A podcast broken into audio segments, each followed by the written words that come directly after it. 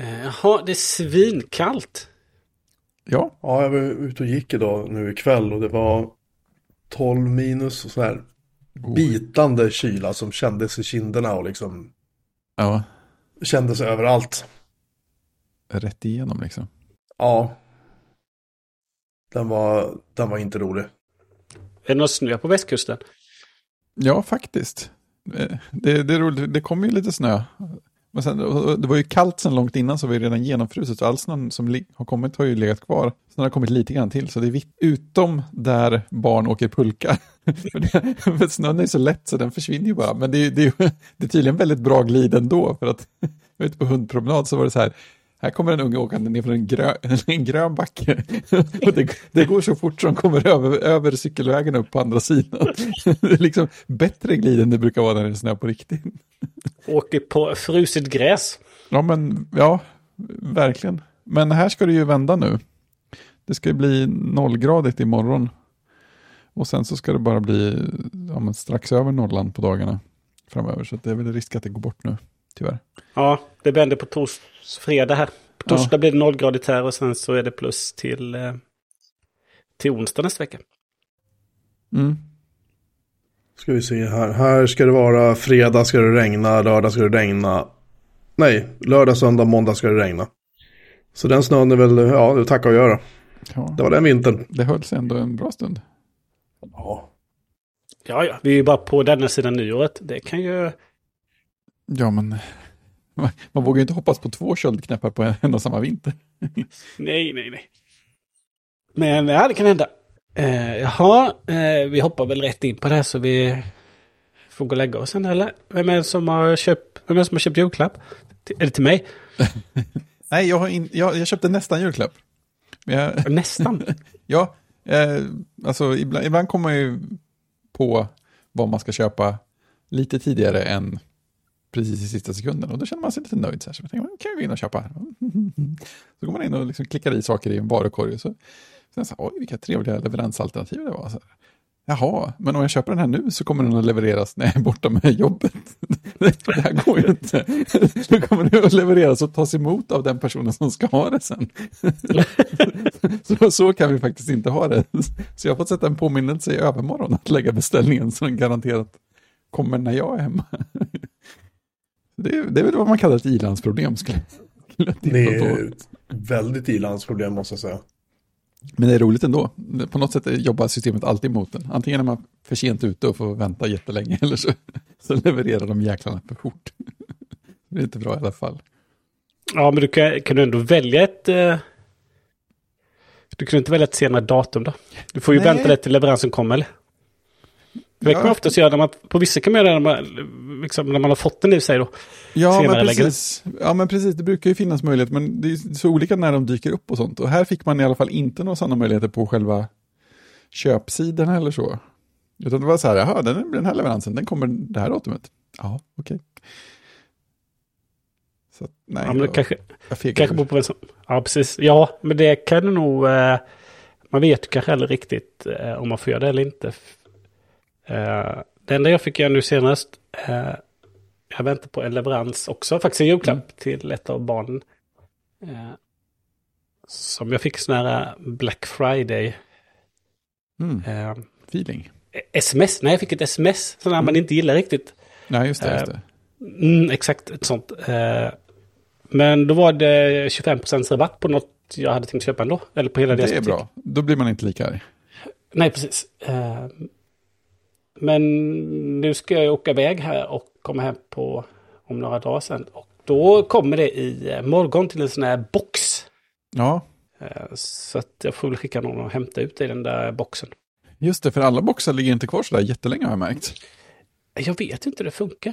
Nej, men det, det, jag, tror att det, jag tror att det är olika. Men Mm. jag hade, eller jag eller Jenny hade något paket hem. Och det var bara, där var det bara typ fyra arbetsdagar eller något det låg kvar. Sen var det bra för att de skickade sms och påminde om hur lång tid det var kvar. Så man behövde ju, man fick ju ändå sportsliga chanser. Men det var ändå kortare än jag hade väntat mig. Man känner ju så här paket som kommer till utlämningsställen. De brukar väl i allmänhet ligga lite längre. Ja, det brukar de nog göra. Eller så länge att man inte får några sådana påminnelser om att det skickas tillbaka. Vi, vi missade faktiskt någon gång här för mig. Och du åkte tillbaka? Ja, kändes extremt jobbigt. Jag vet inte ens hur det gick till. Nej, du glömde ju det, förstår vi. Ja, jo, absolut. det, det, det är det jag är med på. ja, men det var någon sån där att det, att det kom och så hann det ligga en dag eller två och sen åkte vi iväg någonstans. Alltså tillräckligt, typ tre dagar eller något, tillräckligt mycket för att man skulle hinna helt skaka bort den tanken ur huvudet. Och sen, sen Ja, precis. Sen kommer ni inte ihåg det alls. Nej, Nej. ja, men detta är sån jag säger, nu finns det ju, bo- när- ofta som man hämtar på ett ombud och det är skickat med Postnord i alla fall, så Mm. kan man ju identifiera med BankID och skicka ja, QR-koden. Det är ju jättesmidigt Det är vem som helst. Men detta är ett paket ID. Mm. Så att eh, det kommer min eh, bror få åka och hämta. Som att det kommer till matbutiken där han också gör sina inköp. perfekt. Det är eh, perfekt. ja. Något som däremot kommer hem i brevlådan, Som också är perfekt. som också är perfekt, det är ju din, din tidning Jocke, som, som vi säger i den här podden.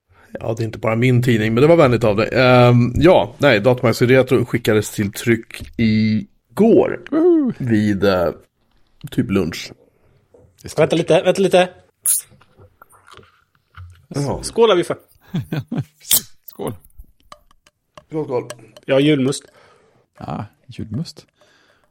Jag har amerikansk julmust. Ja, har ni, jag har GT. Har ni provat, har ni provat julmust apelsin? Nej, Nej, Nej, jag fick ett utlåtande från en mustkännare. Gott men inte must. sådär. Det är ändå, det är ändå bättre än jag hade väntat mig. It's not a must med andra ord. Exakt.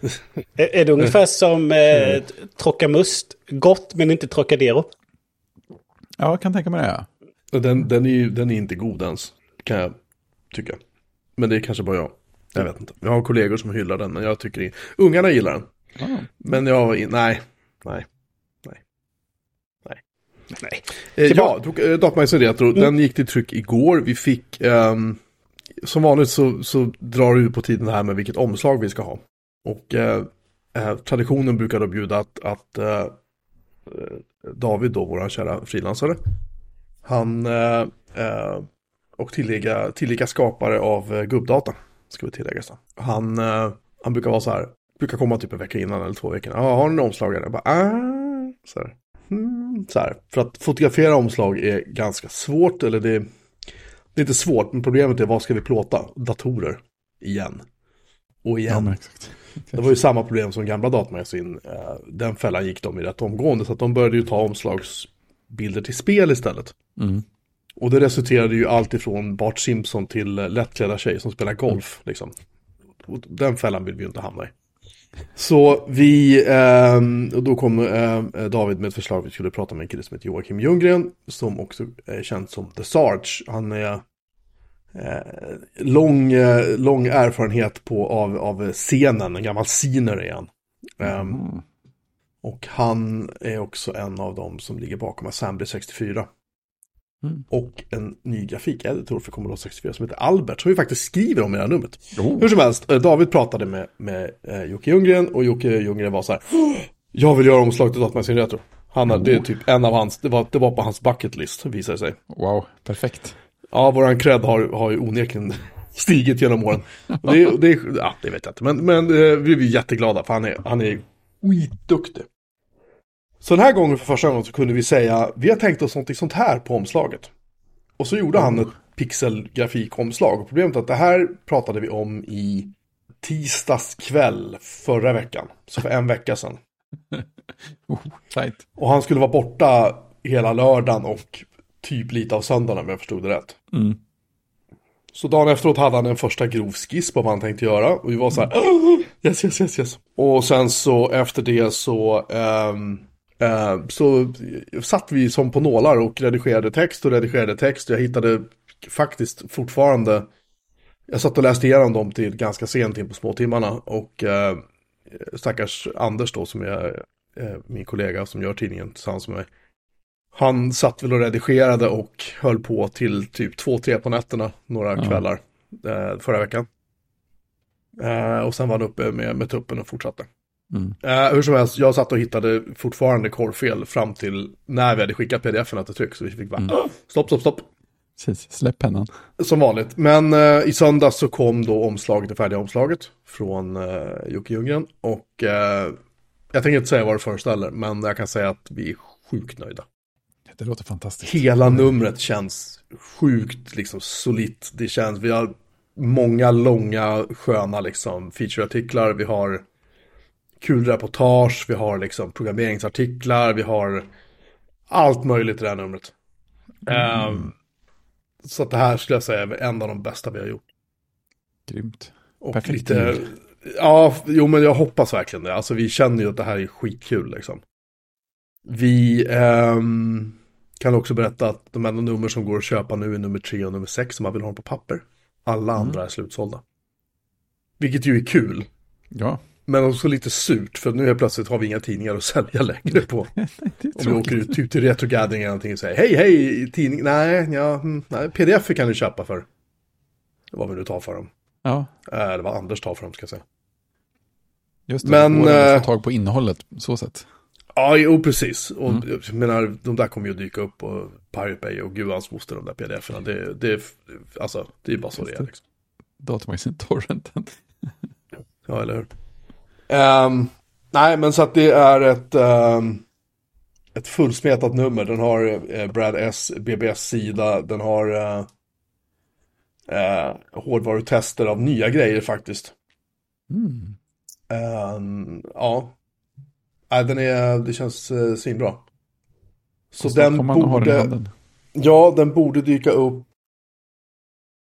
Vi räknar med att den borde dyka upp typ runt Lucia. Så nästa vecka eller veckan efter det. Eh, beroende på var man bor och sådär. Det där styr inte vi. Vi, vi får ju varenda år sedan någon som säger Jag har inte fått min än och någon annan på Facebook. Jag har fått min så här. Och så blir alla jättearga för att de inte fick den samtidigt och så. Vi styr inte över det. Det är Kungliga Postverket som de får alla tidningarna levererade till sig på en stor pall. Inplastade med adresserna förtryckta på. Och sen är det upp till dem att sätta igång och sortera. Vi kan inte göra någonting åt det. Nej, Det är bara bara, bara inom den här gruppen på tre podddeltagare så brukar det vara ganska kraftig variation. Jag brukar få min sista av oss tre. Varenda Ja. år. Ja, Och jag är okej med det för jag har, jag har pdf-en här så jag vet så, Nej, jag har ändå läst det här. Jag har läst den här tidningen så många gånger nu eh, och jag sitter fortfarande liksom och ja, bläddrar in om man säger så, pdf-erna. För ja, det är, det är, mm, jag är väldigt, väldigt, väldigt nöjd med det här numret. Bra det, jag har varit nöjd med varje nummer, det är inte så. Men, men det här känns lite, framförallt just när vi fick till det här omslaget känns, ja. Eh, Ni, ni ska få se det, för att jag är så, jag är så sjukt nöjd med det här omslaget. Ja, just det. Det här, är, det här är bra podd. Det blir tyst. Det här är bra podd, ja. Mm, ja men får, vi får ju inte beskriva det heller. Så att... Nej, det får ni absolut inte göra. Nej, precis. Vi sitter uppe Men, vi, kan, vi, kan säga att det är färg, vi kan säga att det är färgglatt. Det kan vi säga. Och det är, eh, Det är väldigt passande. det är väldigt passande. Nej, det, det är eh, helt klart en av dem. Jag tyckte omslaget till, uh, vilken var det? Var det femman eller sexan när vi hade Amigan på omslaget? Den här pixlade Amigan som typ såg ut Ja. nästan som att den typ brann. Ja, den med vattenkannan också. Eh, jag måste... Mitt bredband uppför sig jättekonstigt ikväll av någon anledning. Så att allting tar så här skitlång tid att ladda. Eller också är det bara Safari som har... Ja, det ena utesluter ju inte det andra. Jag får starta en annan webbläsare och se vad som händer. Om det kanske delar DNS-server med Bartek. Han hade jättelångsamma svarstider på allting idag. Nej, det är Safari som har hostat sig igen. Den gör det ibland märker jag. ja, ja. Ehm, vi ska se här, uh, DMZ Retro. Uh, det var nummer fem var det. Det var just det där vi hade vattenkannan och Amigan. ja. Mm. Det var ju nummer sex var snyggt också med det här uh, monstret eller vad det ska Ja, föreställa. den på. är ju vansinnigt snygg. Ja, alla omslagen har varit snygga. Det är Mm. inte snack om det. Men det här, det här är liksom... Jag känner att det här är nog en av mina favoriter faktiskt. Helt klart. När du får den här tidningen sista Valdaruke och eh, tar plasten, eh, känner doften, sätter dig ner och öppnar den. Är det då, är det då en glädje eller är det en fas för att hitta ett korrekturfel det första du gör? Det senare. Herregud, herregud, herregud. Men det, det är en yrkesskada. Så var det varenda gång när jag jobbade på datamagasin och vi gjorde, och det gjorde vi en tidning i månaden. På allt ifrån 128 till 200 sidor per nummer. Mm. Det var mycket material att gå igenom. Vi hade alltså en kille, frilans, som heter Göran tror jag. Han körde, han, hans heltidsjobb var att korrekturläsa datamagasin. Jäklars. Och han hittade Göran Ribe hette han. Han var jag vet inte, jag hoppas han lever fortfarande. Han var, han var typ pensionär tror jag. Um, han, han, var, han var liksom en mästare, jag använde honom när vi gjorde nätmagasin också. Han kunde mm. hitta den minsta lilla komma som var fel eller vad som helst. Han var jätteduktigt, alltså språkligt också väldigt, väldigt begåvad liksom. Och, ja. Och kunde få så kommentarer som att ja, det här var ju inte, det här var ju inte en adekvat rubrik ungefär. Så man bara så här, ja, vi skriver om rubriken då liksom. Det, det har du rätt i liksom så. så han, var, han, han var ett bra stöd också liksom i, ja. i processen, när vi mm. gjorde tidningen. Så att, nej, han, han, han arbetar inte med det här, utan här kolläser vi själva. Mm. Eh, David då som sagt, eh, Almer som har skrivit flera artiklar i det här numret, han har också, han hjälper till och han kollar sina egna artiklar för han har jobbat som journalist. Och författare faktiskt. Han är kulturvetare tror jag. Hur som helst så... Ja, den borde dyka upp nästa vecka. Hoppas jag. Eh, för tryckaren där, det tar ju inte många minuter för det där tryckeriet. Det är 2 500 extra det. 80 sidor någonting eller vad det blir, jag kommer inte ihåg. Så... Um, mm. Vi har mm, fantastiska... Vad sa du? Det trycker de i medan man går och hämtar kaffe. Ja, lite så. Det, det smäller ju bara till så det är klart liksom. Eh, vi har fått våra nya snygga glasunderlägg med 16 färger. Den här, ja, Mr Z-laddskärmen typ. Eller vad man ska kalla det för. Sjukt snygga. Uh, ja, vi har massa klistermärken och merch och allting annat som är nytt nu lagom till jul. Vi har eh, speciella julgrejer. Vi har ju våra, våra boxershorts fortfarande. Inte uh, slutsåld alltså. Täckjulgranen finns kvar. Julkort. Samma motiv som förra året. Ni fick väl varsitt tror jag jag skickat er. Mm, mm. Um, strumpor finns det. Ja, det finns massor. Uh, bra julklappar kan jag säga. Så att vill ni ha dem i tid till jul så beställ när ni hör det här. Ja, det är helst innan. Helst innan, men det är lite svårt för ni har inte hört det här än. Jaha, men precis. Okay. Men för de som beställer första gången så är det väl så att tidningen kommer för sig och uh, den nivån man har den lilla grejen man får till eller hur många man nu har, vilken nivå man nu har på, de kommer väl för sig va? Mm. Ja, det är korrekt. De, de, de, som har beställt paket med t-shirts, de, många av dem har redan fått sina t-shirts, vad jag förstår. För de har packats, de, den här gången så beställde Anders faktiskt att de var vikta och inplastade redan från början. Mm. Det gjorde han inte tidigare år. Vilket gjorde att lägenheten, han bor ju alltså då med fru och två barn i typ en fyra eller någonting. Ehm. en trea med lager. och uh, ja, det, det, såg ut tydligen som ett lager i, i veckor till hans, ja. hans bättre hälfts uh, inte så stora förtjusning om jag uttrycker mig så. Så ja. att den här gången var det beställt färdigvikt och plastat. Det kostar lite mer per tröja, men det var det, det var nog värt för då kan Anders få iväg dem mycket snabbare den här gången. Definitivt. Också.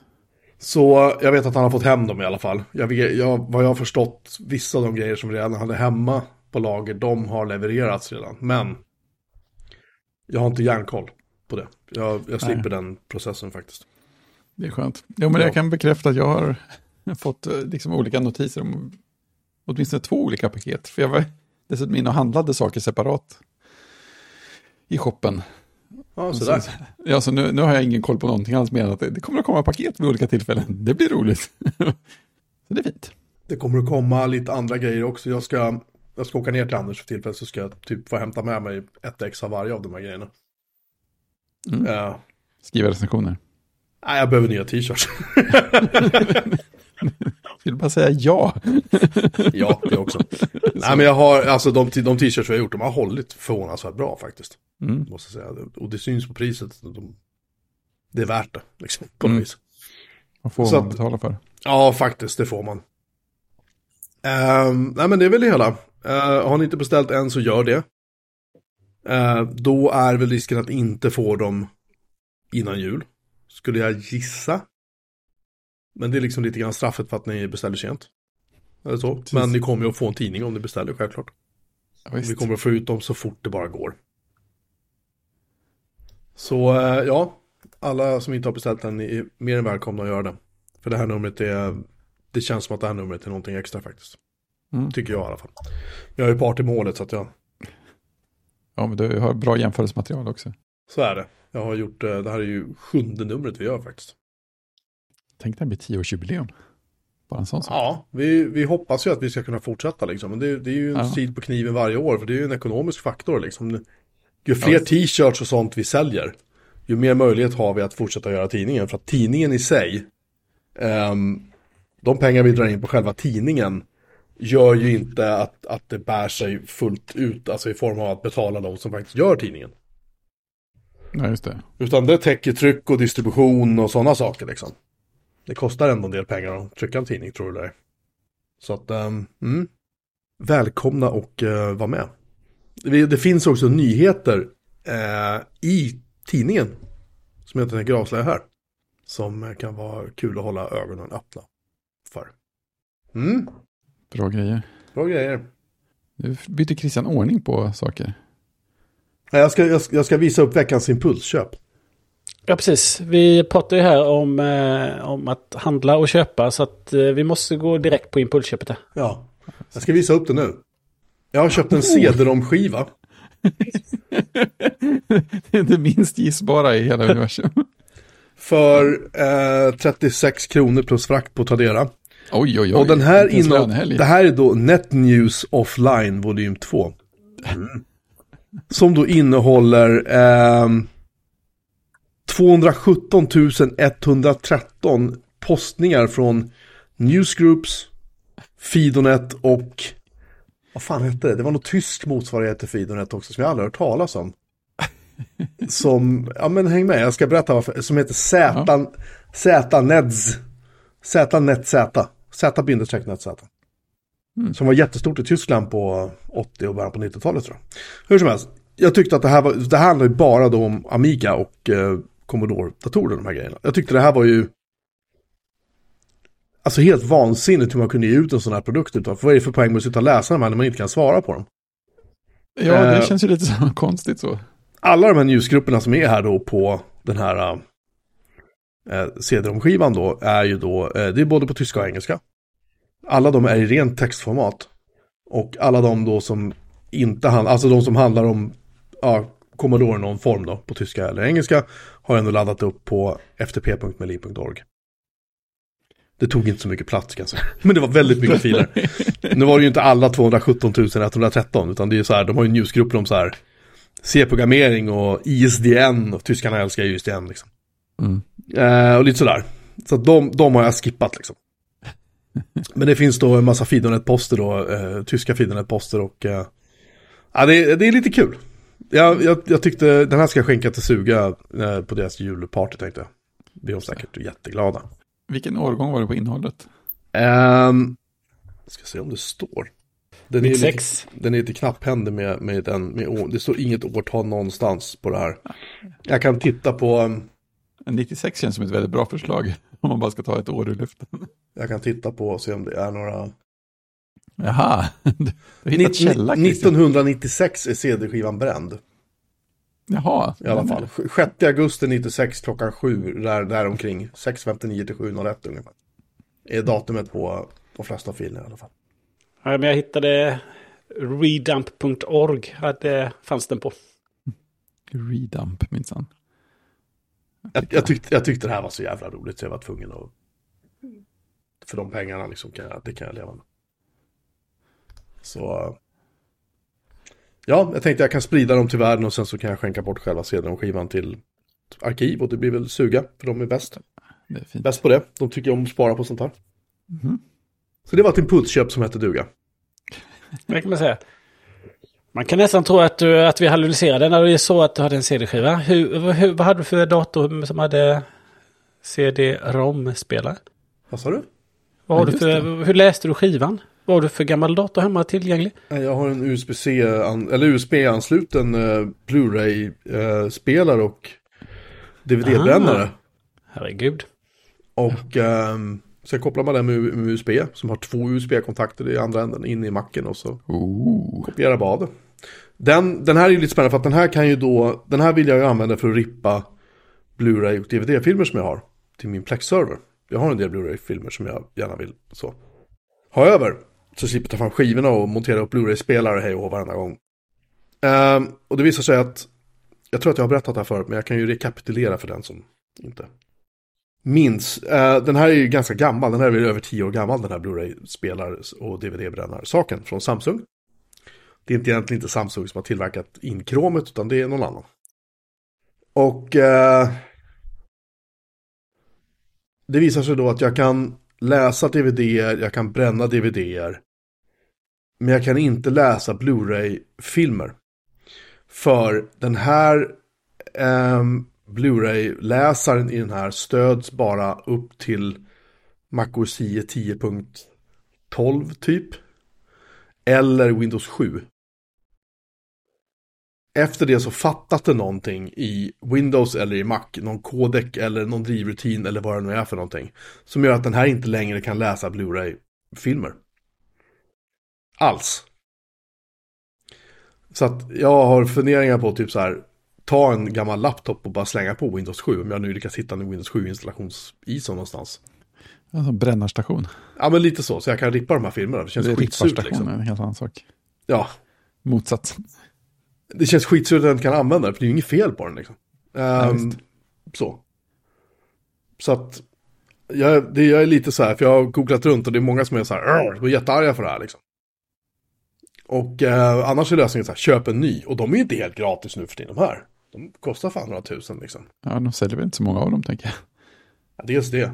Men sen tror jag också att de är liksom. Ja, det är kanske svårt att. Svårt att hitta, jag vet inte. Men hur som helst så. Det är lite surt. Men jag kan använda den för att läsa av mina NetNews offline-skivor. Om jag hittar fler Ja. ska jag köpa dem. Det är ju bidrag till kulturarvet. Sjukt roligt det här alltså. Ja, jag hade inte kunnat läsa en eh, sådan skiva hemma hos mig. Finns inte någon spelare för det. Ja. Jo, kanske då om jag skulle få igång någon av någon gammal Mac-laptop där nere. Möjligtvis då. Powerbook G4. Ja, den som står här bakom mig, den funkar fortfarande. Jag tror att Jenny har faktiskt en extern, eh, kanske till och med Blu-ray-läsare också. Men du måste ju ha minst en, en Mac Mini med någon sorts DVD eller CD-romläsare. Fredrik. Jag? Ja. Nej, nej. Nej. Den, eh, den äldsta jag har är ju, vad är den, 2010? Det var väl, kan, kanske, var det kanske den första som inte hade någon enhet? Jag standard? tror, om det var den första generationen eh, som var gjord i, i metall och inte plast, som, eller plast och metall som de gamla. Så ja, Ja, ja, då var det så. Men sen har jag ju en eh, PS4 också, den kan ju läsa sakerna men den kan ju inte, den, rippar nog inte sådär i, i brådrasket tänker jag. det är svårt att få command line på den liksom. Ja, Alltså det finns väl säkert folk som installerar Linux på den, så att det, det går nog läsa. säkert. Den har nog alla kodikar också, så det är skönt. Ja, nej men eh, så, så är det. Så att ja, Mm. halluc- hallucinerande transkri transkribering. Gud vilken jobbig mening. Ja, det är Fredrik förstår du väl. Ja, jo, Det är, det är väl inte så svårt att gissa vem som jag- ska prata om det säga- här. Jag, jag har inte jobbat med en, med en professionell korrläsare när jag har skrivit dem. Det var, nej men du, gå tillbaka och skriv något som folk kan uttala i alla fall. Har du transkriberat något nu? Ja, jag har ju haft det här, eh, lagt in det här transkriberingsblocket som kom i Audio Hijack för ett tag sedan. Som använder den här eh, väldigt kompetenta modellen Whisper för att skriva ner det man säger. Och, så det, det är rätt kul för den, den rullar ju live medan man spelar in i Audio Hijack. Så, så det är ju i princip klart så fort man stoppar inspelningen, eller precis efter det. Och sen, sen så får man en eh, textfil rätt upp och ner med allting. Eh, Och jag har inte använt dem till någonting än, men jag har ju börjat titta i dem för att se hur pass bra det blir. Och det blir ganska bra, inte perfekt men ganska bra. Men sen så, så spelade jag in lite så här intron och outron och eh, lite, så här, lite längre eh, snack på en person för, eh, för kodsnack. Och så gick jag in och tittade på transkriberingen och så här och bara scrollade. Och vet, ibland när man scrollar i en längre text så, så kan man ju liksom ögat fånga upp att det finns ett mönster någonstans i texten som har blivit av liksom hur breda raderna är och vad som står skrivet. och då var det så här, ett väldigt tydligt mönster på, ett- på ett ställe där det stod, eh, där det stod så här. Det här är ett exempel på hur man kan använda det här medan man är i en övergripande situation. Det här är ett exempel på hur man kan använda det här medan man är i en övergripande situation. Det här är ett exempel på hur man kan använda det här när man är, medan man är i en... Och sen så börjar det vanlig text igen. Och jag tänkte, det där, det har inte jag sagt. Eh, spännande. undrar, undrar var det kom ifrån. Eh, så jag gick in och kollade och det som det här matchar mot är när jag tog en paus för att fundera på vad jag skulle säga som nästa grej. Så att det, när det blev en lång tystnad så tog Whisper och sa shit, vad ska jag göra nu? Och så, så jag vet inte om den liksom höjde, liksom letade i bruset alldeles för mycket, men det var det den fick till. Och sen så tittade jag lite till och såg den allra roligaste biten av eh, den här liksom, inbildningssjukan. Det var att precis innan det, så stod det liksom efter det sista jag sa, så, eh, så kom det, så står det i transkriptionen, tack till elever och personer som hjälpt mig att skriva den här videon. Textning av Johanna Lidberg, copyright Sveriges Television AB.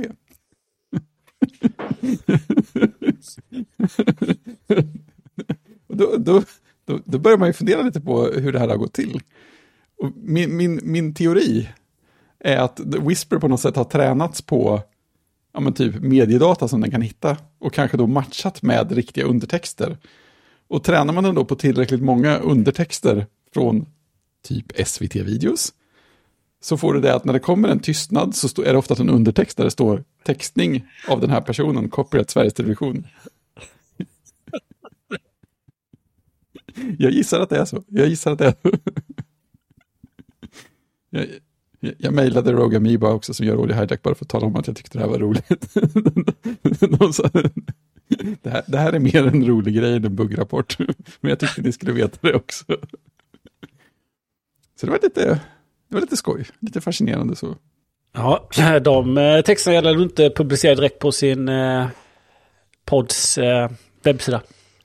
Nej, eh, och som Audio Hijack gör det så är det inga, eh, verkar inte, aldrig inkludera några tidsstämplar heller, utan allting kommer som en enda, ett enda textstycke. Eh, men det är klart, det, det är väl i och för sig sökbart, är det väl ändå. Det finns ju något man använder bara för att man ska kunna söka lite bättre.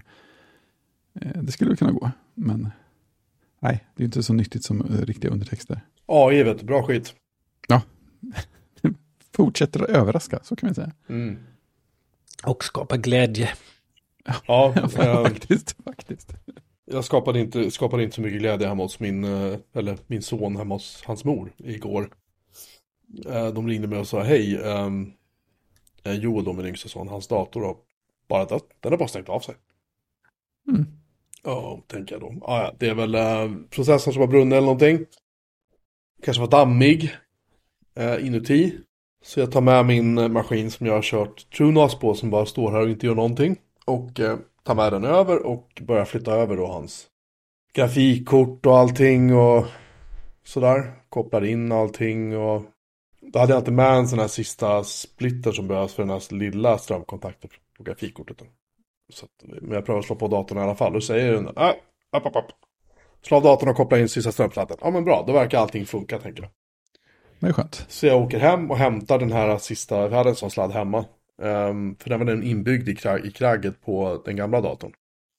Eller gamla, den är faktiskt nyare än den, den här AMD-maskinen då som min son skulle få ta över. Igen, för han har haft den förut.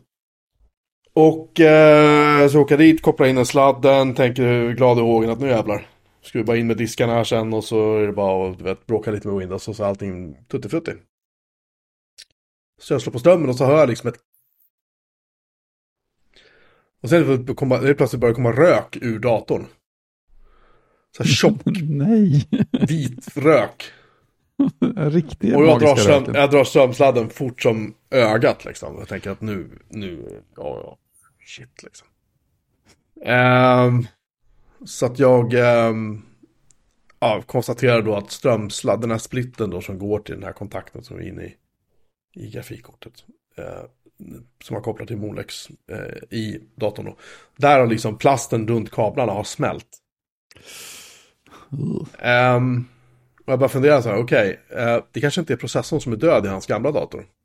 För den gamla datorn, nämligen innan jag började skriva så här, så noterade jag att det lös liksom, det lösa små dioder på moderkortet, även när den var avstängd då, för den startade inte. så jag tänkte, jag tar väl den, och så lyfter jag upp den på bordet och stoppar i strömsladden och tänker, ja, får vi se vad som händer nu då. Trycker på strömknappen och den startar alldeles utmärkt. Så det visar att hans Nvidia 1080i eller vad det hette, någonting sånt. Som har här jätteintressant kylfläkt med någon sorts vätskekylning eller någonting, jag vet inte vad det var. Eh, Den har, ja, lagt av helt enkelt. Lyckligtvis så överlevde ju då min AMD-maskin. Hans Intel-maskin har överlevt så hans mor fick då öppna börsen och köpa ett nytt grafikkort till lillpojken då. Mm.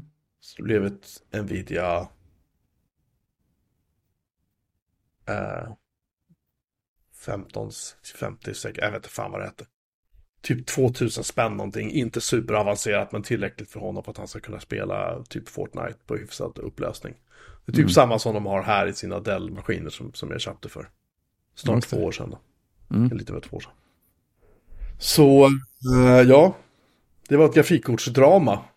Jag har aldrig varit med om att det. börjat brinna på det. Men jag har hört det här knastrande ljudet tidigare när jag håller på med Amigor och dumheter liksom och koppla fel och sådär. Men det här har jag aldrig varit med om tidigare för att det är så pass mycket. Det är i och för sig bara 12 volt, men ändå. Det är en, rätt mycket ström som ska in i de där grafikkort. Så man är ju inte helt stöddig om man säger så. När det där Nej, händer. det räcker ju till. Mm. Så från den glada nyheten till nästa glada nyhet och det är att bon, eh, Spotify ska sparka ytterligare 1500 personer varav då 240 personer jobbar i Sverige. Och när jag säger att det är en glad nyhet så är jag ironisk. Jag vill bara vara tydlig med det. Jag läste någonstans, jag har inte lyckats hitta den igen. Men jag läste någonstans att de ville liksom aligna om sin podcast-satsning, bla bla bla bla bla. Mm. Nu har jag inte lyckats hitta den artikeln igen, för den webbläsaren, den kraschade när jag försökte, tänkte den här ska jag spara länken till, så bara, Ehm, Men jag läste det någonstans att det var därför. Men var inte det rätt mycket podcastfolk som har fått gått innan också? Jo. Det kanske var resten nu då? Tänka 1500 pers. Jag Ja, tror nej, snarare, jag tror snarare att de, de ska, de har ju börjat visa vinst nu. Inte några gigantiska summor, men 20-30 miljoner dollar eller någonting sådär per kvartal eller vad det är. Så att det börjar ju se hyfsat ut för dem ändå. Men nu har ju han bestämt sig för att nu ska det kapas kostnader och ekonomiska ehm, situationen i världen, bla bla bla. Och när jag säger han så menar jag han, eh, vad han, Daniel. Ek. Daniel Ek, tack. Dek. Dekis. Som inte växte upp med Commodore 28. Det kanske han skulle ha gjort så hade det blivit lite ordning på honom. Ehm, det är väl därför de vill frisera siffrorna ytterligare nu genom att få ner kostnaderna då. Och ehm, någon då klarsynt påpekar ju att eh, ja, de har ju inte kollektivavtal. Men hade de haft det så hade det ju inte gått till på det här sättet. För tydligen när man får sparken från Spotify så får man typ timmar på sig att bara bestämma sig om man vill ta Mm. deras paket och gå hem frivilligt. Eller att liksom tömma skrivbordet och bara tack och hej på dagen ungefär. Eller om man får, om man ska säga nej tack och så bli uppsagd på sedvanligt sätt de är. Och de eh, erbjöd upp till fem, månad, fem månadslöner. Eh, de skulle hjälpa dem då som hade som kom från utlandet som, här, som var här eller i något annat land på så arbetsvisum då. För att de blir då utsparkade ur det landet. Som, det jobbet finns inte kvar längre. Um, ja, det var väldigt klämkäckt liksom. Medan de hade postat på sin PR-sida att nu, oj oj oj, nu det här blir bra och tack alla ni, er, ni är fantastiska. Men nu kommer vi att gå starkt och det här det kommer bli ännu bättre. Jo, halleluja liksom. Usch. Mm. Kanske. ju vad alla på Spotify håller på med på dagarna. Det här var mest supportfolk tydligen. Ja, vad, vad, gör, vad gör alla de liksom? Jag vet inte. Nej, Det är en bra fråga. nej. De kanske Ehm. anställt lite lugnare tempo innan. De har sparat en del bekymmer. Ja, de, de verkar ju onekligen ha väldigt många supportmänniskor i alla fall. Det kan man ju sluta sig till. Har haft då, för de är väl Mm. på väg ut nu. Men eh, jag tycker det är skittråkigt i alla fall för de som råkar ut för det här. Mm. Speciellt om man har börjat visa bättre siffror så känns det ju också så här. Ja, för de skrev det i sitt meddelande. Ja, det här kan ju verka som lite konstigt eftersom vi faktiskt har visat så bra siffror nu. Så här. Ja, mm, det Ska vi visa ännu bättre siffror nu? Precis. Ja. Ja, usch. Nej, jag använder inte Spotify sedan jag vet inte hur många år nu. Så att jag tänker inte börja med det heller. Och det är inget statement, det är bara att jag tycker inte, jag gillar inte tjänsten. Den är för dyr och det är inte, den är inte riktigt bra. Ja, ja, det här... Vi blir lite emot det där när de, när de ibland säger att men vi har så bra, vi har bättre villkor än facket. Ja, Men sen går det ju går det ganska fort då och... eh, ändra sig. Ja, men att eh, precis som Jocke säger att... eh, Att avskeda folk då. Plus att mm, om... Eh, om det är ett, ett bolag så finns väl också, så det i alla fall i svenska börsnoterade bolag, eh, sitter det ju eh, eh, arbetstagarrepresentanter i styrelsen då. Så de har lite mer, liksom har ju facken lite insikt i liksom besluten bakom också. Mm. Eh, så det, det finns fördelar med det också. Men eh, jag hörde att han hade skrivit eh, avslutat med nästa år bygger vi ett starkare, ännu starkare Spotify. Eh, det är inte så kul för de som inte är kvar. Nej, nej precis. inte någonstans skulle man kunna säga. Mm. Precis. Något annat som inte är roligt. det går verkligen från klarhet till klarhet i det avsnittet. Bon, Bonniers, eh, Spotify har ju då inte sagt att de ska ersätta sina supportpersoner eller vad det nu är med AI. Bonnier däremot, eh, höll, de var ju ute på en sån här inköpsturné och köpte upp lokaltidningar runt om i Sverige för de senaste, eller de senaste åren egentligen. Och det var så fantastiskt, och nu ska vi satsa på lokaljournalistiken och hej och hå och och sen var det väl någon passus i, i om det var journalisten eller Dagens Media eller vad det var som sa att ja, alltså uppsägningar kan ju inte uteslutas, men just nu har vi inga planer. Och sen dröjde det några månader och sen så började uppsägningarna komma eh, och de började då sparka redigerare, de, började, alltså de sparkar allt de kommer åt. Så, för det är Bonnier, de, de, de ska göra vinst helt enkelt. Jag tror att den här lokaltidningsaffären, de har, jag tror att de lite grann har äh, skjutit sig själva i foten för de här lokaltidningarna har det ju inte lätt. Liksom. Annonsmarknaden Nej. är ju inte blomstrande för de här. Det är ju mycket så här, äh, Sunes livs på hörnet. Kan jag få en halv sida för så här, tusen spänn eller vad det är. Äh, men du vet. Mm.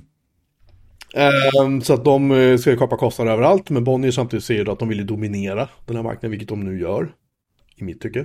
Så de då sparkar en bunt redigerare, ganska många, och alla lokaltidningarna då är tanken att de ska då redigeras med hjälp av AI inom citationstecken.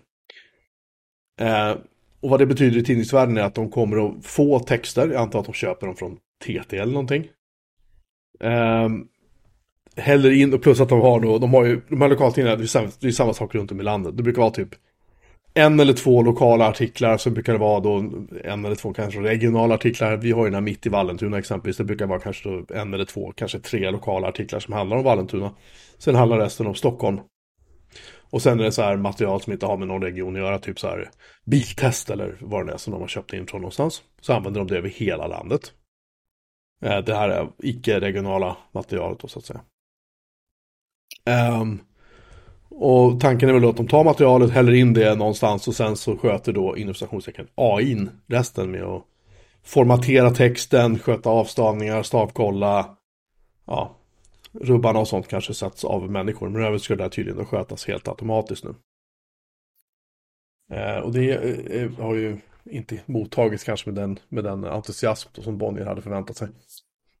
det är exakt det som man borde ha förväntat sig. Eh, det här är då en ambition från arbetsgivarhåll. Vi håller på att kartlägga nu hur det här ska gå till på ett bra sätt. De har då meddelat personalen på ett informationsmöte nu i, i, eh, idag faktiskt. Den 5 december. Uh, vi ser nu att tekniken finns och vi behöver ta ner kostnaderna kopplade till våra papperstidningar. Så vi får se hur långt vi når. Om det går som vi hoppas och tror tror jag vi kommer kunna besvara de här frågorna framåt senvåren. För då kommer vi vara igång och bet bättre kunna se hur det fungerar. Det kommer inte krävas några mallar för, redi för redigeringen av artiklarna utan det kommer att lösas helt av AI. Uh, vi kommer att använda de verktyg för nyhetsvärdering som vi har på våra nyhetssajter som också är algoritmstyrda. Mm. Grovt förenklat kommer vi stoppa in x antal artiklar i ett AI-verktyg som sedan fördelar dem över y antal sidor. Texterna behöver inte ha någon viss längd utan AI klarar av att möblera om sidorna med det material som vi ger till den. Alla sidor ska inte redigeras av AI dock. Eh, första sidor och lite större artiklar kommer säkert människor att handha fortfarande då. Men så är det. Mm. Nu kommer den. nu kommer det, Skynet. I bästa fall, eller på Ja. jag, jag, är, jag, är väl, jag är väl glad att jag lämnar den här branschen 2005. Som helt ja, ställt, liksom. Redan då såg man vart det här var på väg. Men det var, ett, det var ett jävligt kul jobb. Det var en jävligt kul bransch att jobba i, även om jag jobbade på en, inom citat, bara en datortidning. Så var det mm. sjukt kul att få skapa innehåll och se och höra från folk. Som jag har ju pratat om det många gånger förut, just med hur folk som verkligen uppskattade det vi, det vi gjorde liksom. få feedback och så på det. Precis.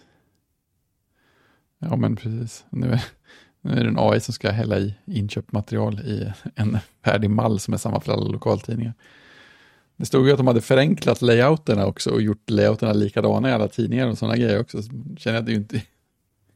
Det blir, lite så här milt själlöst över hela linjen. Ja, men det är bara att titta på deras webbar är likadana. Mm. Jag Eh. Bonniers. Eh, de har ju...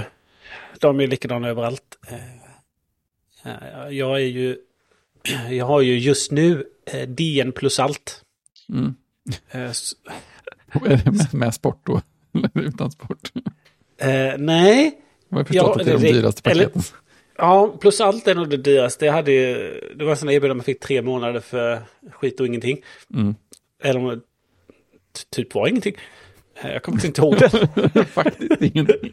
ja, det kan vara att... Eller så var det jätte, jättelite pengar. Så det är första gången jag har det. Så jag har ju... Jag har DN och Expressen. Mm. Eh, och sen har jag det som heter mer från Expressen som är Automat, Allt en Resa, Media, Damernas Värld, Hälsoliv, Leva Bo, Mamma, tek, Teknikens Värld. De skojar inte när de sa allt. Med sådana ekonominyheter, marknad, eh, Marknadsnytt, en del av DI och privata affärer. Jaha, jaha. Eh, sen en verkar jag pall också... med Sen, papper hem varje morgon. ja, och sen har jag då en... eh, Alltså jag tänker detta att jag har norra Sverige, eh, Hudiksvall tidning. Jag går in på den sidan. Eh, och då... Ja, kan jag läsa den. Och den ser precis likadan ut som min tidning då, som är Jönköpsposten. Eh, och det verkar ju precis som att de har exakt samma eh, upplägg då eh, med nyheter. Eh, och så heter det ort. Och sen är det sport, livesport, blåljus, näringsliv, opinion. Ja, Eh, ser precis likadant ut då. Eh, och, men däremot så är det ju väldigt, väldigt mycket lokala nyheter. Eh, men sen så kom precis de här, eh, det som förr då när jag, en, jag var ju en kort period på Jönköpings-Posten eh, under min universitet och jobbade på bildavdelningen där. Men då köpte de, vad heter det, eh, TT-artiklar, sådana här feature-artiklar.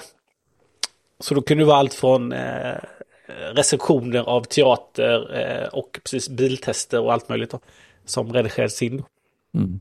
på de sidorna. Så att eh, jag kan tänka mig tidningarna eh, går precis samma, liksom, de ser likadana ut också. Mm. Eh, och så är det kanske bara typsnitt och logga som byts. Ja, men exakt. Eh, men det är inte så konstigt att en sån produkt redigeras av eh, automatik heller. Och så är det någon som går in och bara sätter rubriken och fixar till det sista då. Ja, just det. Sparar ju absolut tjänster.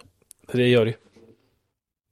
Jo, Eh, än att någon ska sitta och göra det för hand då. Och sen kommer den ju placera ut annonsen också då som vi köpte. Just det. Och så kommer kommer det bli roliga grejer där med annonser som kommer in till saker de inte vill ha till. Hoppas man ju. Det blir kul. Ja men det, det kommer nog inte gå från, eh, det kommer nog inte gå från att man eh, pekar ut mappen. Här är dagens artiklar till att det trycks där så tänker mig. Eh, då, kan det, då kan det bli konstigt. Ja, det kan bli jättekul. Någon kommer väl att testa. De kan ju redan testa. Ja, ja. Men det är ju en mer avancerad version av det som, eh, som vi gjorde eh, för jättemånga år sedan, säkert 20 år sedan. Eh, när vi tryckte eh, kataloger då, då hämtade vi texterna från eh, en databas. Mm. Eh, så vi hade en eh, det var en SQL-databas så hade vi ett gränssnitt, produktions eller produktkatalogsystem som, vi, som gick ut till webben och sen så använde vi det till tryckkatalog också så vi sparade ner en XML i en mapp Mm. eh, tillsammans med de högupplösta bilderna som skulle användas och sen så hade vi ju uppmallade grejer så att när man skulle göra det här produkt, produktfamiljen, det var ju belysning, så sa man jag vill ha familj, familj A och så pekade man ut den mappen och så kände den av hur många produkter det var och sen så skapade upp så många sidor i InDesign och placerade ut alla bilder. Och sen så gick vi in och eh, eh, styrde upp tabellen då som blev alldeles för stor. Eh, Så vi fick, liksom, mm, fick ändra om den och göra fler kolumner och sådär som att det var så mycket nummer då. Eh, så man, så, men det var det som gjordes då istället för eh, mycket mer manuellt eh, arbete. Ja, men det är klart, de har ju sparat rätt mycket trökjobb. Ja, precis. Så att, eh, men sen är det ju liksom en känsla att sitta och redigera en tidning också. Mm. Men just... Eh, Det är nästan det att, roligaste. liksom- hälla in texten, sätta bilderna, sätta bildtexter, rubbar, allt det där liksom. Det, det är då den kommer till liv på något sätt. Det är då man sitter framför Kork eller Indesign och liksom ser hur... Ja, Pusslet sätts ihop. hur liksom. pusslet faller, precis. Tack, hur pusslet faller ihop och... Och sen när man dessutom då, sista man gör självklart är ju alltid då att sätta omslaget, för det gör man ju som, som jag nämnde nyss, alltid sist med liksom. Mm. Och börja sätta vilka rubbar man ska, liksom, vilka knäck man ska dra på där med rubbar och så. Det är, alltså det är, det är magiskt. Jag går inte förklara om man inte har den, inte haft med om det, jag inte tycker att det är spännande. Så eh, förstår jag om det här låter helt nonsens, men, men för mig är det, för mig var det alltid, under de fem och ett halvt år jag jobbade på Datamagasin så var det fortfarande, det var liksom lämningskväll. Då köpte man pizza och sen satt man och gjorde slutkorr och filade på de sista grejerna, ändrade en liten pryl här och liksom stod, skrivit ut alla sidorna, satt runt på väggen, stod och hummade liksom, mm, kanske ska flytta dem dit och liksom och... Skitkul var det verkligen. Det jag sa, jag saknar det fortfarande. Även om det är, ja, många år sedan jag jobbade där. Ja, men det, känslan sitter kvar. Ja, det gör den verkligen. Och det är ju därför det är, när vi gör lämningarna utav Datamagasin Retro, det är ju det är ju bara en gång per år än så länge. Liksom. Men det är varje gång så tycker jag att det här är fan det, är det roligaste jag vet. Liksom. Jag önskar att jag fick göra det jämt. Men det, det är lite den känslan som man hade för när man eh, gjorde en, en, en webbsida. Alltså då gjorde man den manuellt. Ja, Eh, varje liksom enskild sida. Eh, och nu så eh, häller man ner texten i Wordpress. Och så kommer de ut. Ja, ja precis. På en förenklad layout. Jämfört med Ja. vad man skulle gjort annars. Eh, Så att lite, lite samma sak då. Så är det ju. Så det, det är ju, alltså det blir väl värre när de tar nästa steg då att eh, ja men eh, nu ska vi nu ska vi börja skriva artiklar med AI. Nu är det ju, gör de ju sammanfattningar på sina webbsidor. Det är väl där AI har kommit in att eh, en sammanfattning av artikeln ligger längst upp och den gener- genereras med AI då. Alltså det har gått fort märker jag på nätet just. För jag satt och googlade på hur man får ehm, Plex, om man kör Plexidockor under Unraid, hur man får den att prata med ett grafikkort. För jag köpte ett billigt eh, Nvidia-grafikkort och stoppade i. Jag har det att funka, men jag tror nästan man måste ha en skärm inkopplad i grafikkortet för att den ska fatta att grafikkortet är aktivt. Men den klarar bara DVI och VGA, jag har inget delat på mitt skrivbord längre. Hur som helst, så ehm, jag märker när jag börjar hitta guider så är det så här, ja, och här visar vi den här bilden och hur man gör. Eller någonting sånt. Och det finns ingen bild. Eller, ja, du sätter IP-adress, eller det var just det, jag var över hos dottern häromdagen och bytte router hemma hos henne och så var det så här, fan vad man gjorde factory reset på den här routern. Och så började jag kika upp en sida telefon så står det, ja, och så sätter du, här har du då en adress och stod det bara en subnetmask liksom. Och så, här, men det här är ju också fel. Alltså, det, liksom, jag hittar sådana här grejer hela tiden känns det som, de är bara, de har bara snott det från någonting, eller bara hällt ihop en massa texter. Men det måste ju stå maskiner och skita ur sådana här grejer dygnet runt och bara publicera och komma högt upp i Googles index. Alltså, det är så irriterande. Mm, men det har, vi, det har vi pratat om i ett avsnitt där. Jag vet det, men, men för mig blev det så aktuellt häromdagen när jag stod och tittade. Så var det så här, här har jag exakt modellnummer på den här routern. Exakt.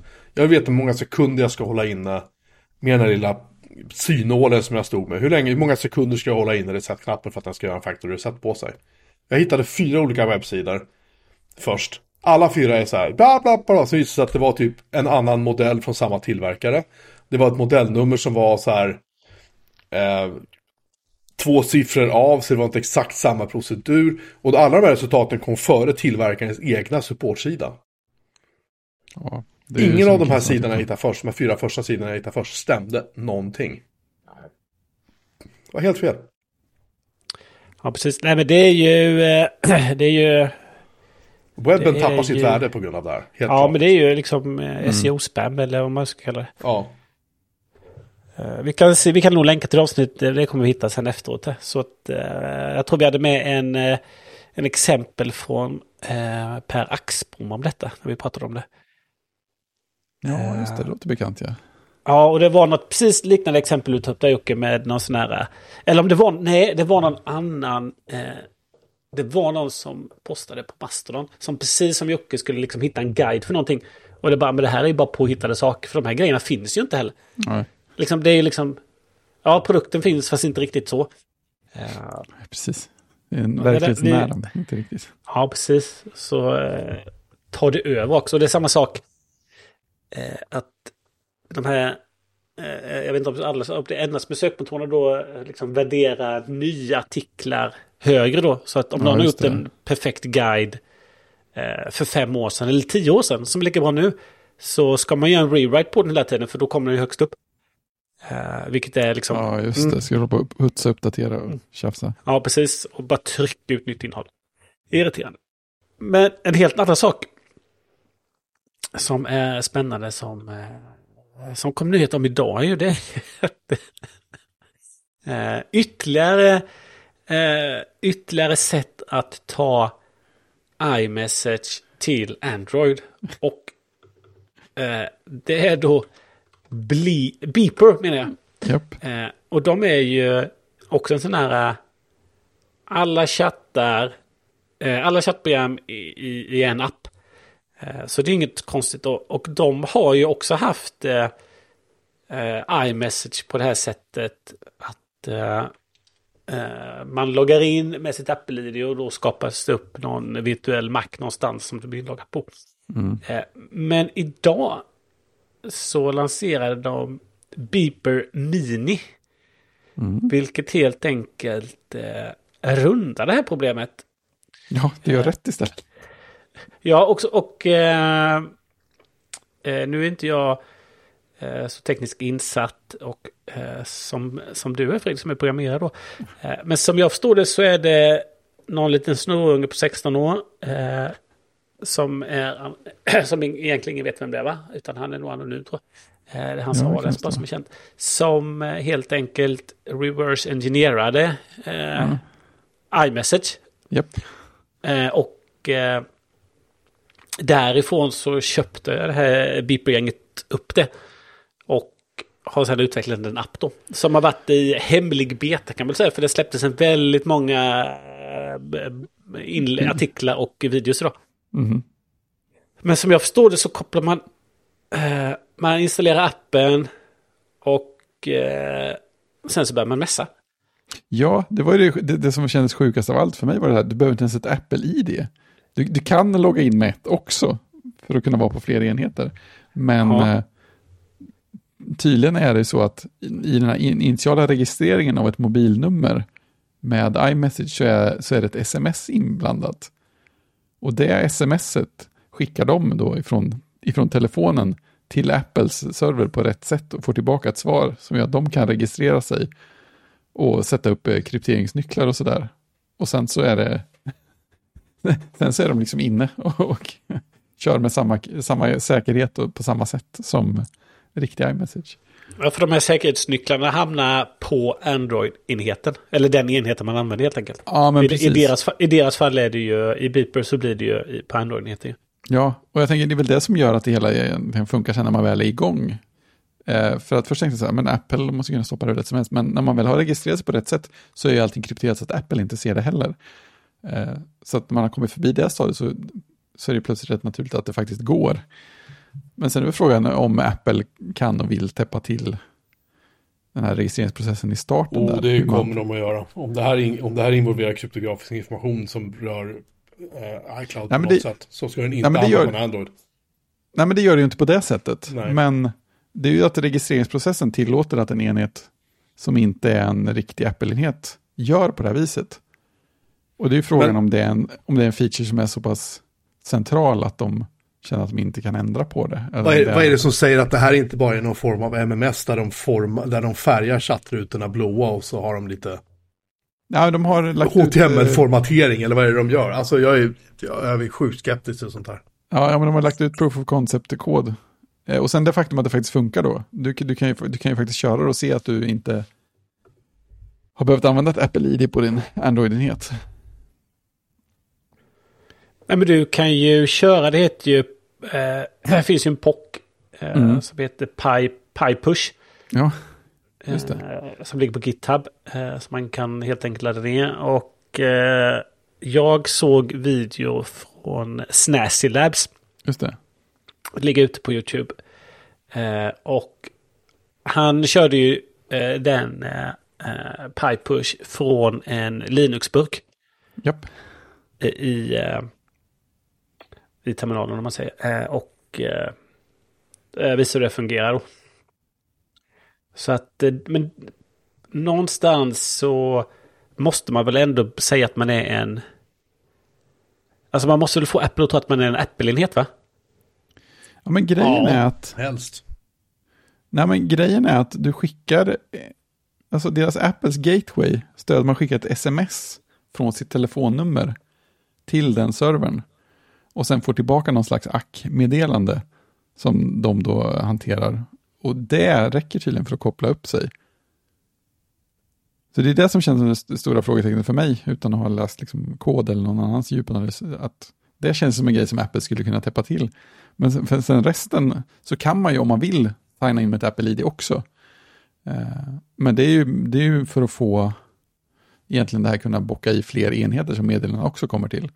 Om du har en Android-telefon och en iPad till exempel, då vill du ju gärna ha Apple ID eh, och numret kopplat samman. Det är ju samma där med den här listan, du kan nås på de här.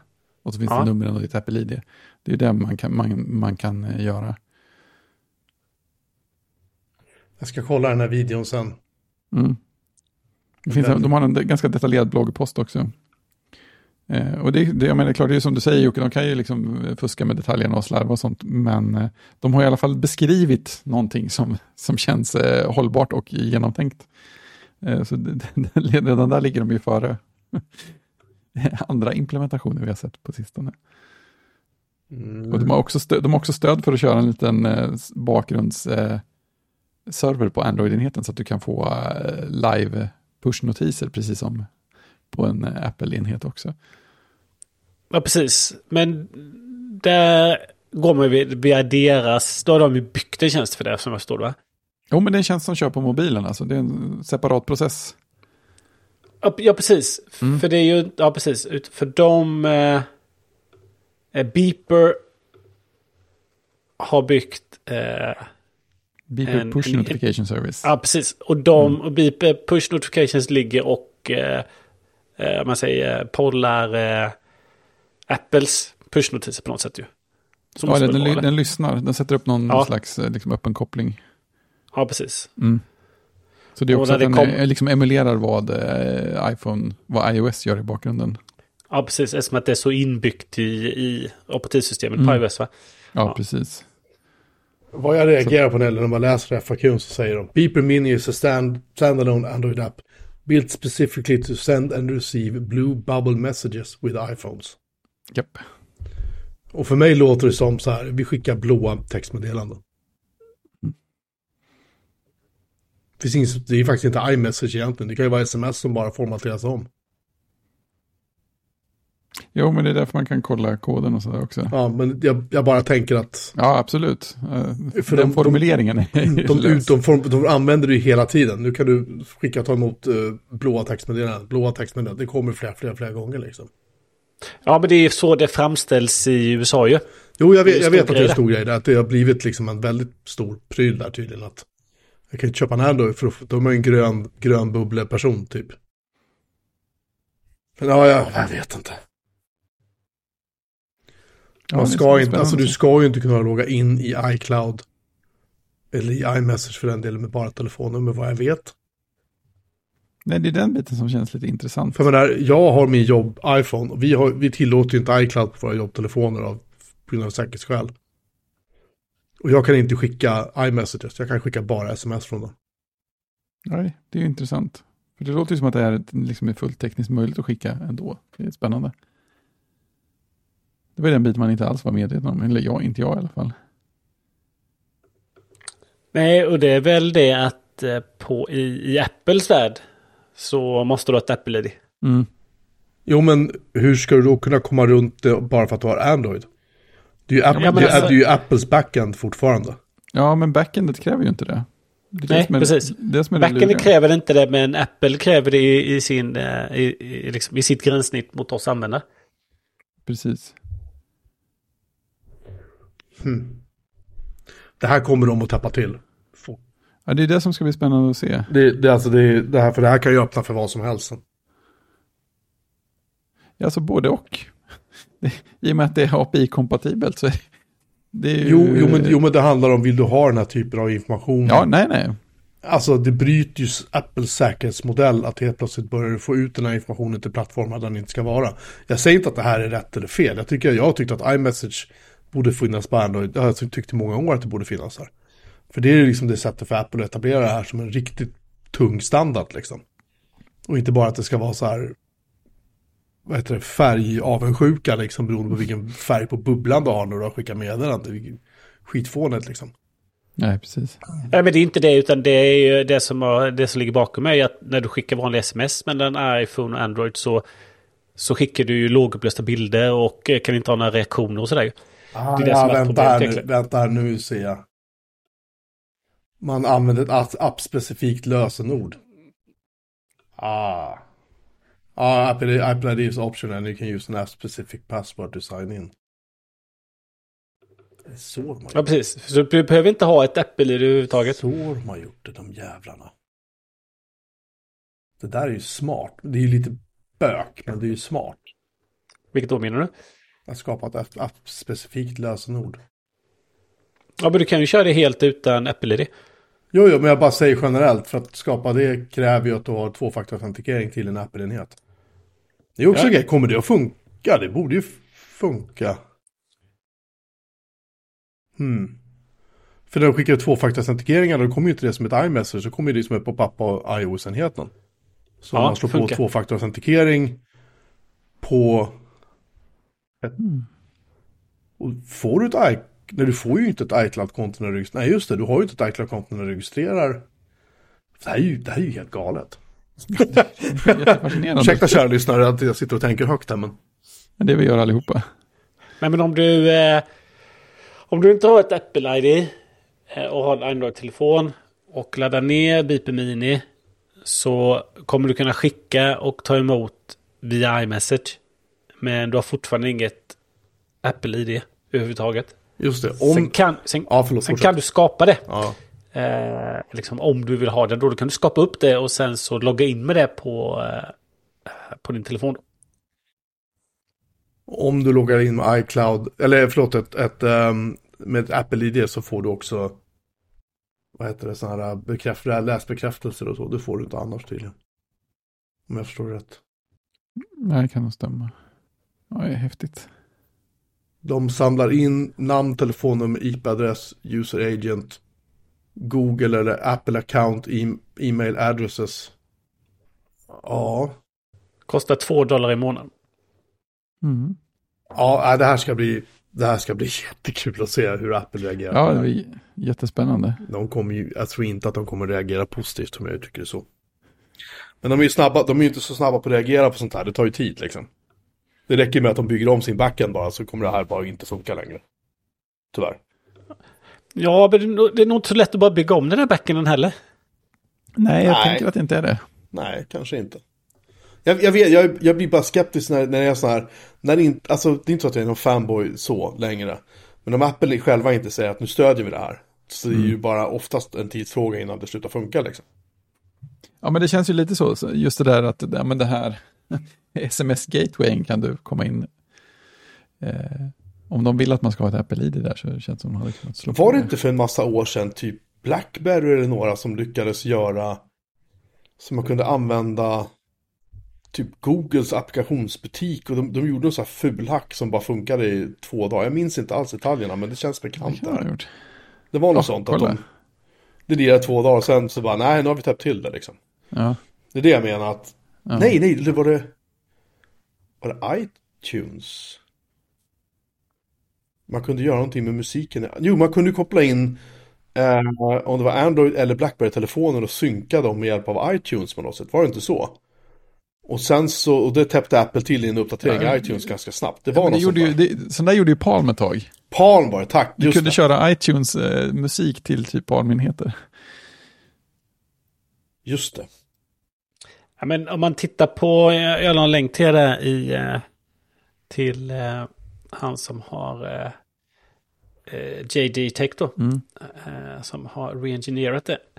Och då står, nu är jag ju så dålig på det här, men det står ju där att eh, när man ska göra IDS-setup på det här Mm. så Uh, when making IDS registration request, a binary blob called validation data is required. This is essentially Apple's verification mechanism to make sure that non-Apple devices cannot use iMessage. Uh, Mm. Och då fattar jag att precis som på samma sätt som de här som uh, håller på med sina Hackintosh-grejer då. Så, så använder man serienummer, modellnummer och UUID som, som helt enkelt finns på riktiga maskiner på något sätt va? Ja, just det. Uh, så att uh, så man på något sätt får en score då hos uh, Apple och de tycker att ah, men det här är det här är en, det här är en okej okay enhet. Det här, vi validerar den. Mm. Det är det jag menar, eftersom de gör det här på ett sätt som inte är liksom okej okay hos Apple. Egentligen de lurar ju Apple för att få till det här. Mm. Alltså, det är ju det jag menar att det kommer, det är ju bara en tidsfråga innan innan någon reagerar där borta och säger att nej, alltså, så kommer de försöka göra det här på något sätt. Tror jag, jag vet inte. Ja, men det känns som att det är stor risk för det om inte annat. Det, det blir väldigt intressant att se. kan ja, för det, är superenkelt och... Ja, precis. För det Apple måste göra då är ju att eh, de måste ändra sättet att, ja, liksom, antingen bygga om alltihopa, men någonstans måste vi ändra sättet de validerar enheter på.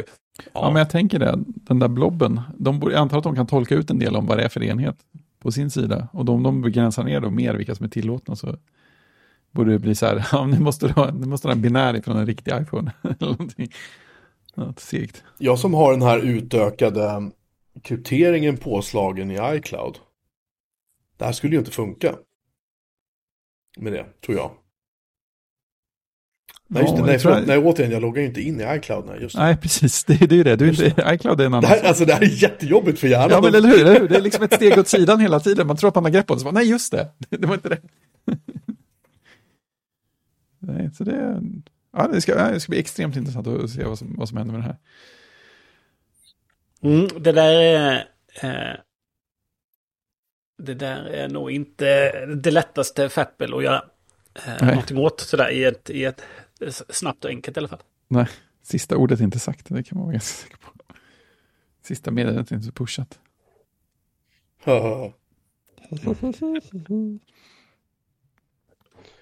ja, detta om detta. Känner jag. Detta om detta, ja, eh, massa, län fick jag ont i huvudet. massa länkar i show notes. Ja, precis. Ja, precis. ja. Ja. Välkomna till eftertexterna, höll jag på att säga. Det stämmer inte. En, snabb teaser som jag upptäckte idag, eh, via Mastodon såklart. Det är en dokumentär på gång som heter Heart of Neon, som handlar om Lamasoft. Ooh. Ja, jag kände det. Så var det så här, de släppte något litet klipp där han pratade i tre minuter om sin, när han gjorde sin första visualizer. Och så liksom, ja, det är bara, det är bara liksom lugnt och fint och snygga visualiseringar och Jeff Minter som pratar. Känns så här, det här är ju det här är för mig. Eh, så heartofneon.com kan man in och titta på. Jag har inte lyckats läsa mig till när jag tänkt att den ska komma, men eh, den känns värd att vänta på. Who is Jeff Minter and why should I care? Första, första FAQ-frågan. den har jag redan checkat av. Så det, det här blir nog fantastiskt när den kommer. Den man, kan också följa på, man kan också följa på Heart of Neon at mastodon.social. Perfekt. Mm. Jag har sett Band of Brothers. Till slut. Till slut. Jag fattar inte att jag har väntat så länge. Prosit. Prosit. Fix it in post. Um, jag kan säga att det här är en av de två, tre kanske bästa tv-serier som någonsin har gjorts. Jag har aldrig sett någonting så här bra. Jag har gett den betyget 10 av 5. Det, det, det, är högt ändå. Ja men alltså den är, den är liksom, varenda avsnitt är så här. Framförallt det avsnittet, är, jag tror att det är tredje eller fjärde när de, är, de har någon belägring och det är vinter. Mm. Jag vet inte om ni har sett serien i tvåan. Um, Nej, inte jag. Det är bland det jobbigaste jag har sett på tv. I en tv-serie. För ja. det är så stressande. Och det är man verkligen, istället för att de bara så här, ja där blev någon skjuten. Alltså så här, de bara så, man, du är så inne i det så att du liksom, oh, mm. det, det är jobbigt. Jobbigt att se. Är det där uh, Battle of the Bulge eller? Ja. ja. Det var De det. låter Efter det så var allt som kom efter det var så här, ni kan göra vad fan ni vill, det spelar ingen roll. Ni toppar inte det här för det här var jobbigt liksom. Ja. Och det var... Ja, men de låter ju... eh, Alltså de avsnitten, det är väl två avsnitt tror jag, va? som är där. Ja. Eh, De låter det ta tid. Ja. Så man, man sitter ju där och känner hur kallt och Ja, jävligt jag kände det också. Jag du har helt rätt, jag satt och var så här, ta på er kläder för fan. Ja, just det, ni har inga. Ja, det var. Ja, det var, det var, det var så bra. Hela serien är så bra skådisar, så bra liksom, alltså de har ju inte sparat på någonting när de har gjort det här. Det är så, produktionsvärdena är sinnessjuka liksom. Sen de digitala effekterna, så här, man ser dem här och där att ja, det där kunde ha varit lite så liksom. Men Ja, vad det är fan, ändå några år sedan den kom, eller hur? Den är väl tio år gammal någonting den här serien, Ja. minst. Ja. Um, Jag tror den kom början 2000-talet va? 2001 eller någonting, Ja. så 12 år gammal, Ja, snart pass, 13 ja. år gammal. Men den är liksom, bara få se eh, han som var med i, eh, i Vänner, vad han nu heter, han som spelar Ross tror jag. Mm. Ja, men det finns ett problem med honom. Det är ju när han, för det är ju första avsnittet, Ja. när, han, när han skäller på, om man ska säga adepterna då. ja. Och det enda man hör, om man har sett vänner mycket, är ju att han skriker We were on a break. det är det man har i huvudet. Ja. Och det var kanske därför jag inte såg mer första avsnittet då, för att oh, det här står inte ut med, men eh, han är inte med så mycket mer sen. Tack, tack och lov så har inte jag sett Vänner så mycket så att jag har inte riktigt de referenserna men Du klarar. Men, men eh, jag, jag tycker faktiskt att han klarar sig, han är inte med så jävla mycket i serien faktiskt. Han dyker upp, han försvinner sen och sen dyker han upp på slutet. Ehm, och han är ju, han, den mannen i verkliga livet, han typ tog livet av sig efter andra världskriget sen. För han klarar ju inte av att återvända till det civila livet och för att han, han, han var ju ingen liksom ute i världen. Men i det militära var han ju någon liksom. Men, men eh, nej, den är mm, så välgjord. Och just de som var med där, som fortfarande var i livet när vi gjorde serien, de fick ju sitta och se och bara säga nej, nej, så där var det inte alls att liksom eh, påpeka och rätta och fixa liksom. Eh, så att de fick klippa om saker och ting och filma om grejer, vad jag förstod. Um, så att nej, har ni inte sett den så se den. Den är... Herregud alltså, vilken serie. Mm. Och det var, det var som Christian sa, vi pratade om det, jag tror vi pratade om det i några avsnitt, att man kunde inte sluta se den liksom. Den bara, eller om det var på slacken vi pratade om det. Man kan inte sluta se den. Jag, jag hann se typ tre första avsnitt, jag var tvungen att gå och lägga mig sen för att jag och jobba. Mm. Jag kraftigt övervägde bara att tänka, jag skiter att sova liksom. Jag, jag, jag kunde inte somna den natten för jag låg bara och tänkte på den här jag ser, serien. Liksom. Den, var, se vidare. den är så bra.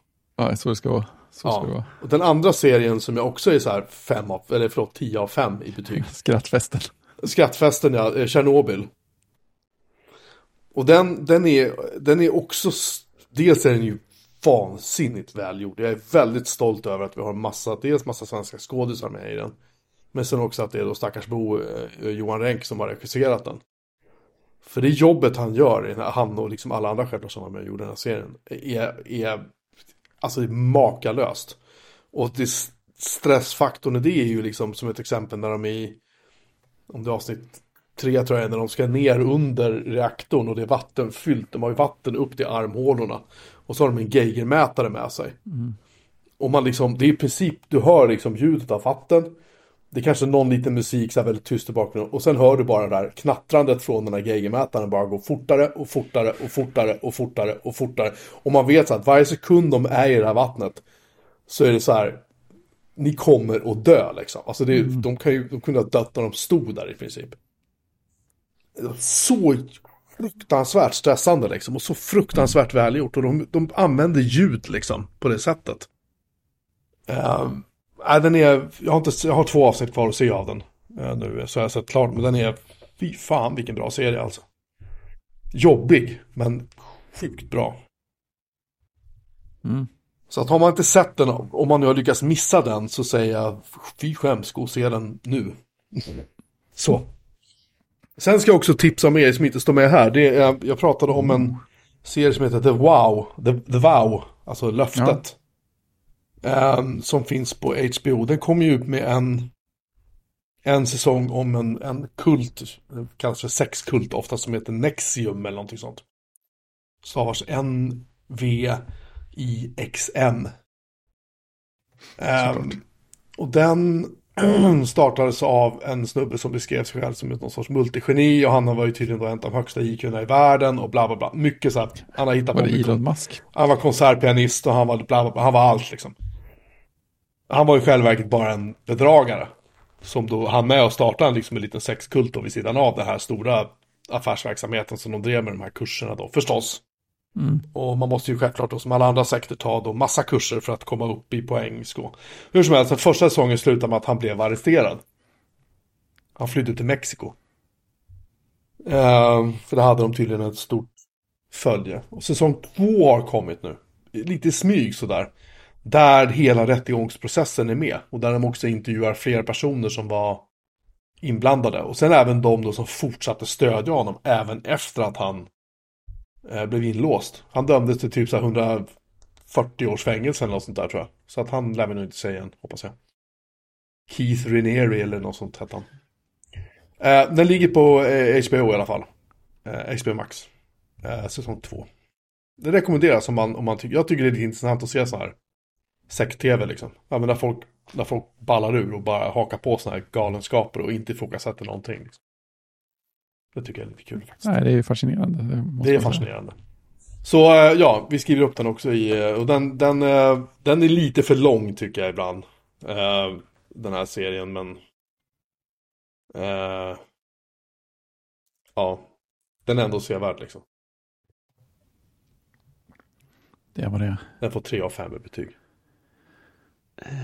Det är bra. Bara hoppas snabbt tillbaka till Band of Brothers då. Uh, Jocke, när du gillar den. Jag såg, jag har ju också sett den precis nu, så att den är ju väldigt, eh, väldigt bra.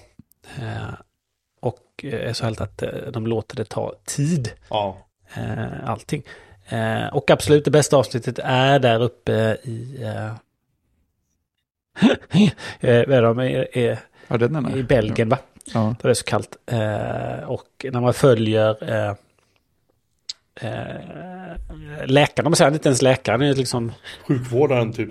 han är sjukvårdare, ja. är liksom inte utbildad läkare. Så det avsnittet där man, där man följer honom då. Eh, som liksom inte har någon, någon utrustning överhuvudtaget och hjälpa till med. Försöker få tag i en sax och eh, morfin. Eh, men det är också att säga att eh, det var ju Spielberg och Hanks då som var producenter. Exekutiva, produ- De exekutiva producenter om jag får be. Precis. De gjorde ju en, en till HBO-serie 2010 då som heter The Pacific. Som jag inte har sett. Som handlar om eh, USAs marinkår. Eh, eh, under... Eh, eh, Koreakrig under? Stilla havskriget. Ja. Eh, eh, så att den finns ju också att se. Eh, och nu då eh, så har det ju, kommer det ju också den tredje relaterade serien till detta. Är ju Masters of the Air. Eh, som kommer nu. Den är också av eh, Spielberg och Hanks. Och den kommer ju på... Eh, den kommer ju på Apple TV Plus nu. Ja, ja, förstås. Eller ja, precis. Och den kommer i januari 2024. Så de har börjat pusha för den på Apple TV Plus. Oj. Är den över Tyskland då? Eller är det... Vilket, vilket luftkrig är det de fokuserar på? Eh, Den är baserad på en bok från 2007.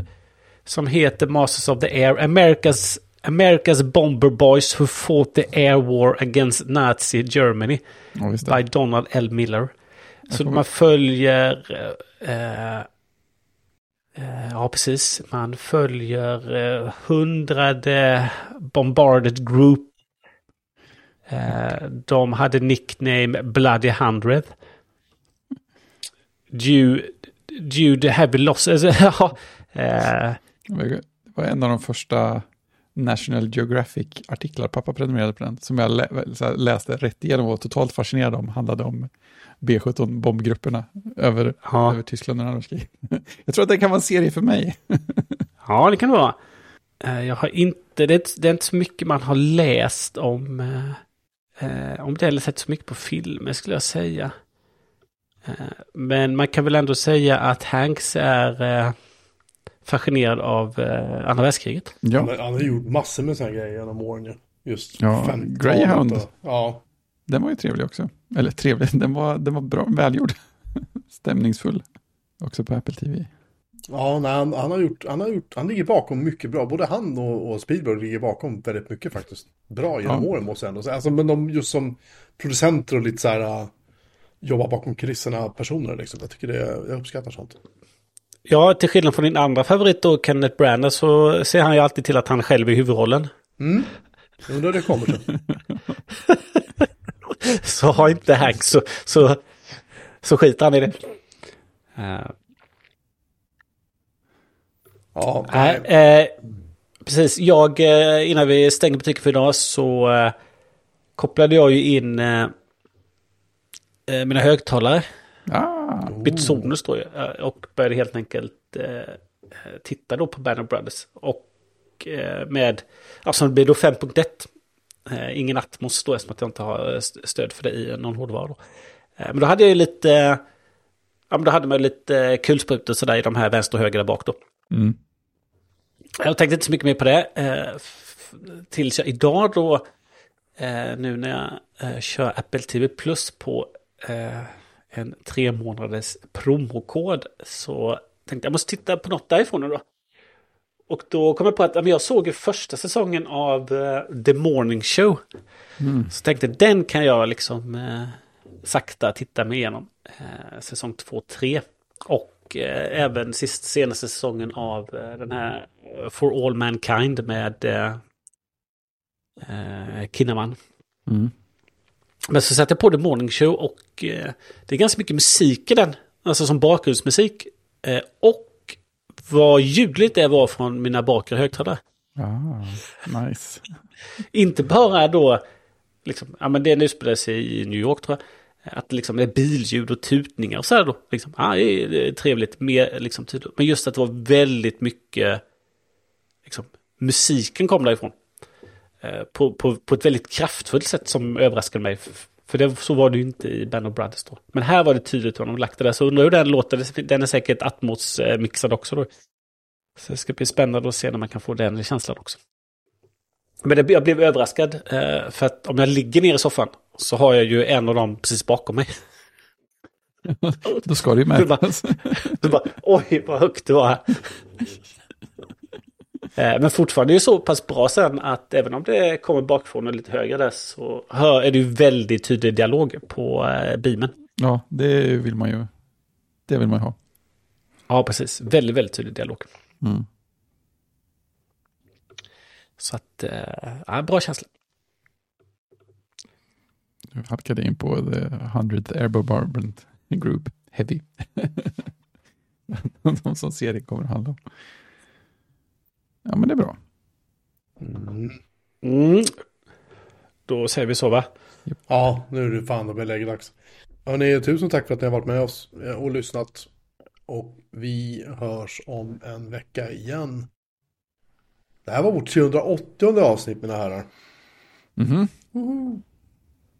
20 kvar. Om jag inte 400. räknar helt fel så är det väl så att vi har en, två, tre avsnitt till i år att göra. Mm. Om vi gör eh, på den 19 och 26 och 12. Just det. Så mm, det är vad ni har att förvänta er. Sen nästa år, då tar vi nya tag. Då börjar vi om igen. Börjar vi om. Avsnitt noll. Nej, jag tror, vi, jag tror vi spinner vidare. Vi har kommit så långt nu så. I alla fall, tack för att ni har lyssnat. Vi hörs igen om en vecka. Tjing! Jing! Tjing!